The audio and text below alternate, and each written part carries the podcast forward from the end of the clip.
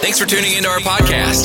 We love having you here, and it's our mission to bring you all the latest and greatest tips, skills, and know how to make you the best that you can be. We know that you have it in you, and we're going to show you how. Now, now, let's get started. Hai buddy, ketemu lagi nih sama gue Anang di podcast perdana gue tentunya. Informasi penting yang harus banget lo tahu. Kalian bisa dengerin streaming podcast ini di Anchor ataupun Spotify. Nah, gimana nih hari Jumatnya buddy? Masih pada stay at home atau main-main keluar nih? Buat yang lagi keluar, tetap berhati-hati ya. Pakai masker dan sedia sanitizer selalu. Dan lo balik-balik semoga selamat sampai rumah tentunya. Amin. Oke buddy, episode perdana kali ini gue bakal sedikit cerita atau sharing seputar info ataupun isu yang paling baru banget yaitu new normal. Gak cuma berita aja nih yang sebenarnya gue bakal uh, sampaikan di sini. Uh, badis-badis juga bisa sharing-sharing ya nantinya seputar berita ataupun apa pun itu. WA aja ke 089539130013 Sekali lagi di 089539130013 Atau bisa juga DM ke IG-nya aku di @anangrian7. Dan yang beruntung ceritanya bisa gue bacain di podcast ini. Oh ya, gue juga bakal ngasih info atau berbagai macam tips buat lo semuanya. Gimana? Seru kan? Makanya pantengin terus podcast Anang Aurora di channel ini. Good vibes. Oke Brady, karena sebelumnya gue udah jelasin di episode pertama ini gue bakal bahas mengenai new normal dan tentunya arti new normal yang diterapkan di Indonesia di tengah pandemi corona COVID-19 ya. Oh ya sebelumnya kita harus tahu dulu definisi new normal itu apa. Di sini gue ngutip di tirto.id bahwa definisi new normal adalah sebuah skenario untuk mempercepat penanganan COVID-19 dalam aspek kesehatan dan sosial ekonomi. Di sini pemerintah Indonesia telah mengumumkan rencana untuk mengimplementasikan skenario new normal dengan mempertimbangkan studi epidermis dan kesiapan regional. Seperti yang dikutip Sekretariatan Kabinet di sini, Presiden mengharapkan new normal ini diimplementasikan dengan beberapa pertimbangan. Di sini kata Menteri Koordinator Bidang Perekonomian Erlangga Hartarto setelah rapat terbatas pada hari Senin 18 Mei 2020 lalu. Dan di sini Erlangga menjelaskan daerah yang RO atau jumlah reproduksi virus kurang dari satu dapat menerapkan new normal. Dalam beberapa hari terakhir, Kemenko akan mengusulkan mekanisme penilaian baik berdasarkan perhitungan epidemiologi dan kapasitas regional dalam penanganan COVID-19, seperti pengembangan penyakit, pengendalian virus, dan kapasitas kesehatan. Kemudian juga kesiapan sektor publik per masing-masing kementerian atau lembaga, tingkat disiplin publik dan respon publik terhadap cara bekerja atau cara bersosialisasi dalam new normal. Di sini Erlangga juga mengatakan beberapa daerah di Jawa menerapkan 5 level scoring dalam menangani keparahan pandemi yaitu krisis, tingkat parah, substansial, sedang dan rendah. Oke, Badi lo juga harus tahu pemerintah daerah di sini diizinkan untuk mempersiapkan new normal jika daerah mereka berada di tingkat moderat atau sedang. Dia juga menambahkan beberapa sektor sedang mempersiapkan SOP untuk skenario new normal ini. Nah, Badi di sini juga gue bakal jelasin mengenai indikator new normal saat pandemi corona dan tentunya lu juga harus tahu nih bagaimana sih indikatornya dan di sini kata Menteri Perencanaan Pembangunan Nasional atau Kepala Badan Perencanaan Pembangunan Nasional Suharso menyampaikan beberapa indikator dari WHO ya dalam rangka skenario new normal di tengah pandemi corona ini. Jadi indikator yang dimaksud adalah sebagai berikut. Yang pertama, tidak menambah penularan atau memperluas penularan atau semaksimalnya mengurangi penularan. Maksudnya di sini adalah sebuah cara untuk menghitung yaitu apa yang disebut dengan basic reproduction number. Jadi basic reproduction number itu adalah sebuah angka yang menunjukkan sebuah virus atau sebuah bakteri atau sebuah penyakit itu sebagaimana daya tularnya dari seorang ke orang lain. Di sini singkatnya nih contohnya seperti ini. Menteri PPN mencontohkan campak itu daya tularnya 12 sampai 18 yang artinya basic reproduction number-nya atau yang disingkat dengan ROR note kalau disebutnya.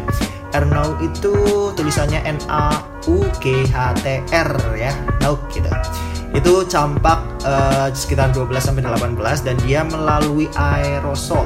Kemudian ada juga yang misalnya batuk rejan atau pertusis itu 5,5 dan kemudian kalau kita ingat flu Spanyol ya pada 100 tahun yang lalu udah lama 1,4 sampai 2,8 kata Menteri PPN di sini. Artinya menurut Suharso satu orang itu bisa menularkan sampai 2 sampai 3 orang dan COVID-19 di seluruh dunia itu yang direkam oleh WHO adalah dari 1,9 sampai 5,7 RO-nya. Untuk Indonesia sampai hari ini diperkirakan 2,5 yang artinya satu orang itu bisa menularkan ke dua atau tiga orang. Wow. Dan di sini tugas kita adalah bagaimana pada waktu tertentu kita bisa menurunkan RO itu dari yang namanya uh, eh, 2,5 atau 2,6 persisnya menjadi di bawah satu ya. Ya artinya dia tidak sampai menularkan ke orang lain dan caranya menurut Menteri PPN ini adalah sebagai adalah banyak hal dan ini tidak bisa melalui modifikasi atau kampanye vaksinasi. Tetapi ini hanya dapat dimodifikasi melalui suatu intervensi sosial yang bentuknya antara lain yang kita lakukan seperti PSBB dan ya PSBB sampai sekarang. Dan RO itu lanjut Menteri PPN uh, pada waktu T disebut dengan RT atau Effective Reproduction Number. Jadi bukan rukun tetangga ya, jadi tetapi Effective Reproduction Number. Nah, sekarang kita akan menghitung itu untuk semua kabupaten atau kota dan seluruh provinsi yang ada di Indonesia. Itu indikator pertama yang kita harus gunakan yaitu RO atau RT Oke lanjut yang kedua adalah menggunakan indikator sistem kesehatan yakni seberapa tinggi adaptasi dan kapasitas dari sistem kesehatan bisa merespon untuk pelayanan COVID-19. Jadi apabila nantinya ada perlu penularan baru atau ada yang mesti dirawat itu benar-benar tersedia atau enggak. Jadi misalnya jumlah kasus yang baru itu jumlahnya harus lebih kecil dari kapasitas pelayanan kesehatan yang bisa disediakan. Kapasitas pelayanan kesehatan yang disediakan itu menurut Menteri PPN harusnya 60% dari total kapasitas kesehatan. Misalnya nih kalau sebuah rumah sakit punya 100 tempat tidur maka maksimum 60 tempat tidur itu untuk COVID-19. Nah, pasien baru yang datang itu jumlahnya dalam sekian uh, itu harus di bawah 60 yang mana disebut dengan kapasitas sistem kesehatan yang terukur yang bisa dipakai dalam rangka apakah kita ketika melakukan pelonggaran atau tidak melonggarkan mengurangi atau tidak mengurangi PSBB. Yang ketiga adalah surveillance, yakni cara menguji seseorang atau sekelompok kerumunan apakah dia berpotensi memiliki COVID-19 atau tidak sehingga dilakukan tes masif. Dengan kapasitas yang sekarang, lanjut Menteri PPN ini sudah naik 10.000 sampai 12.000 tes per hari. Bahkan kemarin pada tanggal 18 Mei sudah mencapai 12.000 lebih tes. Maka diharapkan dalam satu bulan ke depan kita bisa mencapai angka 1838 per 1 juta penduduk. Ya nantinya kita bandingkan sekarang dengan negara tetangga yaitu Malaysia, uh, di mana Malaysia itu 14.304, Filipina 2.238, Brasil Brasil yang relatif hampir sama kayak Indonesia yaitu 3462, Vietnam 2828 dan Thailand lebih tinggi lagi 4099. Kalau India 1744. Seperti arahan Presiden Joko Widodo di mana bahwa semua itu harus melakukan tes masif secara cepat dan dengan jumlah yang masif juga. Dengan tiga indikator itu, pemerintah akan menempatkan sebuah daerah itu siap atau tidak, dan WHO mensyaratkan RO-nya tadi yaitu RO pada waktu T atau RT setidak-tidaknya dalam waktu 14 hari. Jadi, kalau sudah 14 hari itu posisinya di bawah satu, maka daerah itu dinyatakan siap untuk melakukan penyesuaian atau pengurangan PSBB. Bappenas uh, telah mencoba menyiapkan dashboard untuk kabupaten atau provinsi di seluruh Indonesia sehingga bisa lihat daerah mana saja yang boleh uh, pada 14 hari ke depan dan mana yang belum boleh. Dan kalau boleh itu dengan cara seperti apa? Jadi sekali lagi pemerintah belum berhasil menemukan virus menemukan virus dan belum bisa kendalikan dan potensi daya tularnya itu tidak sebagaimana angka 2,5 itu tadi, tapi di bawah satu.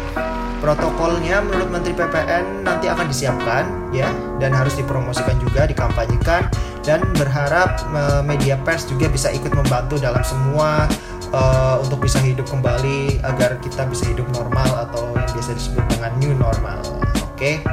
Dan di sini protokol new normal dari Kemenkes itu seperti apa? Kementerian Kesehatan atau Kemenkes telah menerbitkan, menerbitkan keputusan Menteri Kesehatan nomor HK.01.07 garis miring Menkes garis miring 328 garis miring 2020 tentang panduan pencegahan atau pengendalian COVID-19 di tempat kerja perkantoran dan industri dalam mendukung keberlangsungan usaha pada situasi pandemi.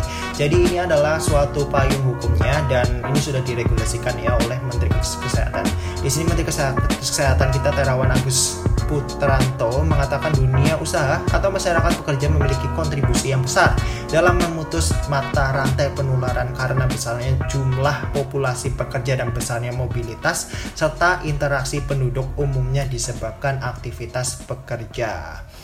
Di sini untuk masa pemberlakuan PSBB dengan kondisi pandemi COVID-19 masih berlangsung ya sampai saat ini juga uh, perlu dilakukan juga upaya mitigasi dan kesiapan tempat kerja secara optimal dan mungkin sehingga dapat beradaptasi melalui perubahan pola hidup pada situasi COVID-19 sebelum gue akhiri nih buat teman-teman semua karena ceritanya tentang new normal itu sudah gue jelaskan mengenai beberapa beberapa indikatornya. Dan di sini buat teman-teman yang mau menanyakan atau uh, memberikan saran dan juga uh, konten-konten yang sebaiknya gue uh, apa namanya bawakan di sini tuh apa bisa banget. Ya sekali lagi gue ingatkan di 089539130013 ataupun di DM Instagram gue di @ananglian7 Oke okay, buddy, thanks banget yang udah attention sama podcast gue Podcast perdana, perdana gue tentunya banyak banget kesalahan-kesalahan ataupun uh, kekurangan konten ya.